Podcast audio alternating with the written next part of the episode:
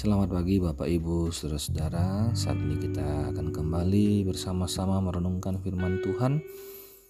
Namun sebelumnya kita berdoa terlebih dahulu. Bapak di surga terima kasih untuk kasih setia dan kebaikanmu dalam kehidupan kami sepanjang hari ini. Sungguh engkau Allah yang baik. Dan saat ini kami kembali bertemu dengan uh, Tuhan dan kami rindu kiranya lawatanmu terjadi dalam kehidupan kami pribadi lepas pribadi ya Tuhan Terima kasih berdoa dalam nama Yesus. Amin. Nah, saudara-saudara, kita akan merenungkan dari kitab Yesaya pasal yang ke-17 yang merupakan lanjutan dari yang kemarin sudah disampaikan.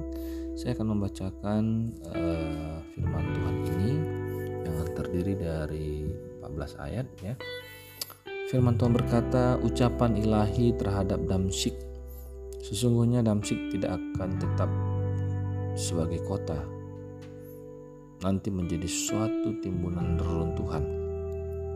Kampung-kampungnya akan ditinggalkan selama-lamanya dan menjadi tempat bagi kawanan-kawanan ternak yang berbaring dan tidak diganggu oleh siapa pun.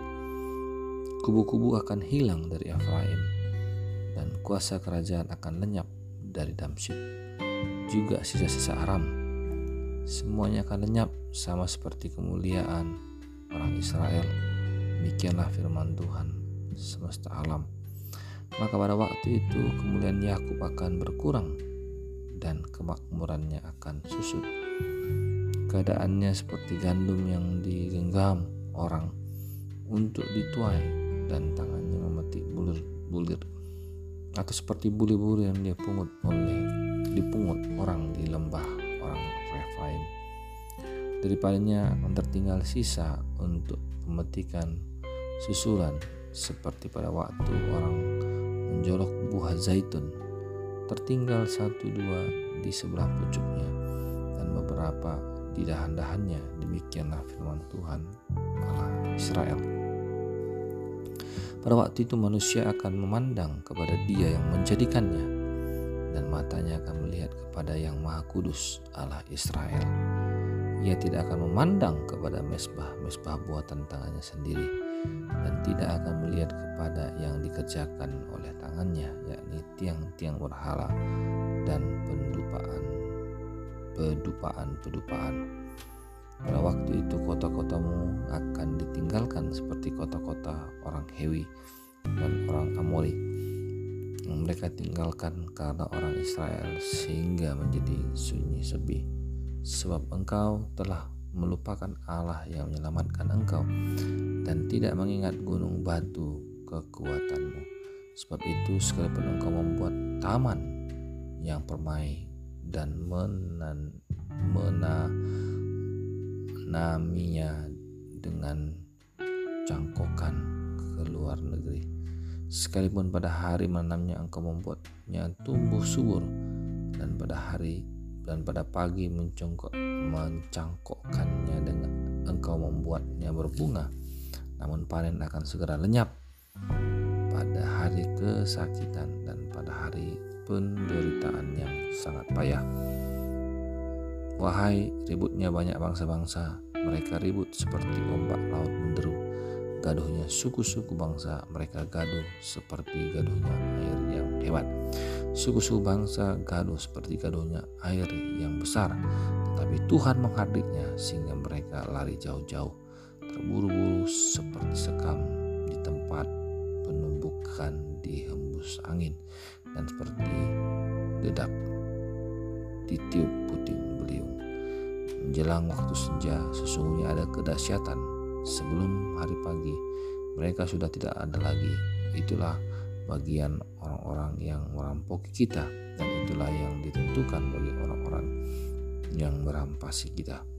Kita sudah membaca ayat ini keseluruhan dan kita bisa melihat bahwa di sini kita menjumpai sebuah nubuatan Yesaya yang ditunjukkan kepada Damsik yakni ibu kota bangsa Aram bahwa hukuman Tuhan akan datang kepada mereka. Kehancuran tidak akan terelakkan atas mereka.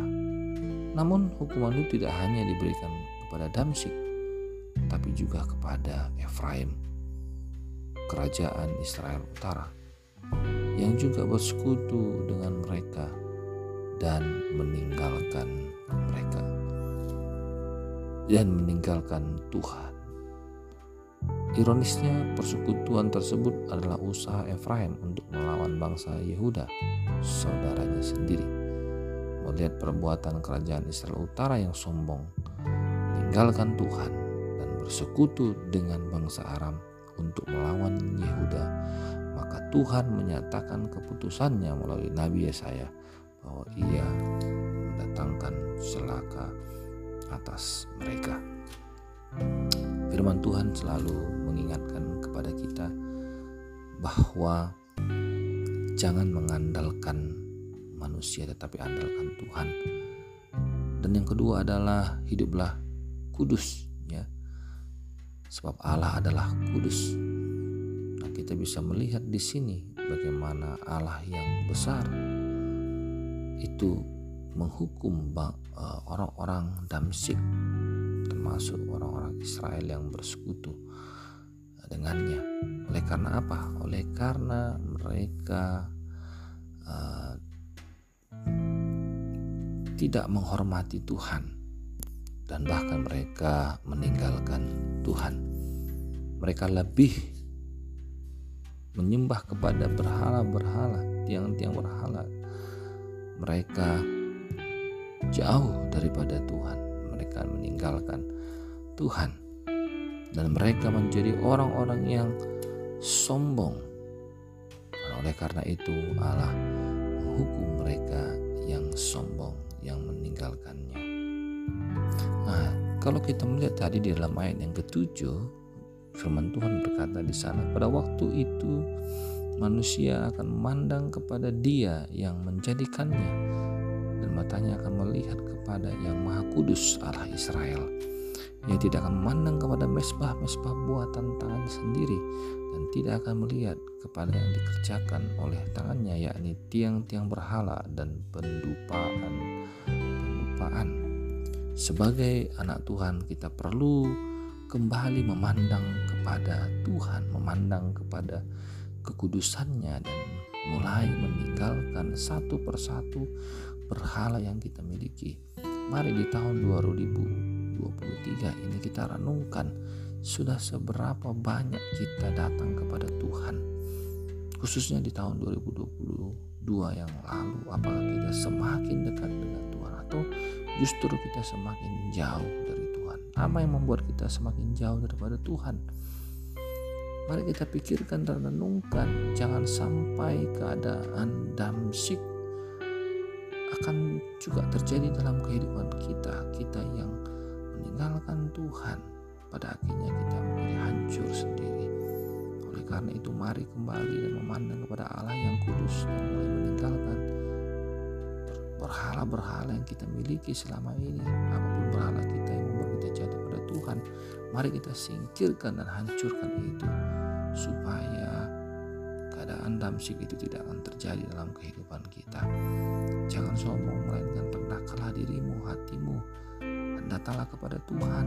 Jangan angkuh dan congkak karena Allah membenci orang yang sombong dan angkuh dan congkak. Dan mari memandang kepada Allah dengan rendah hati dan datang kepada Dia dan mengakui segala dosa dan pelanggaranmu kepada Dia dan harapkanlah pengampunan daripadanya supaya engkau diampuni oleh pada Tuhan dan menerima kasih karunia dan belas kasihan Tuhan dan sekaligus menerima berkat yang daripada Tuhan. Oleh karena itu, mari kita mulai tahun ini dengan mendekatkan diri lebih lagi kepada Tuhan dan mengakui segala kesalahan dan dosa kita. Kiranya Tuhan memberkati setiap kita dan melindungi kita dan menolong mendapatkan apa yang menjadi doa kita. Tuhan Yesus memberkati. Shalom.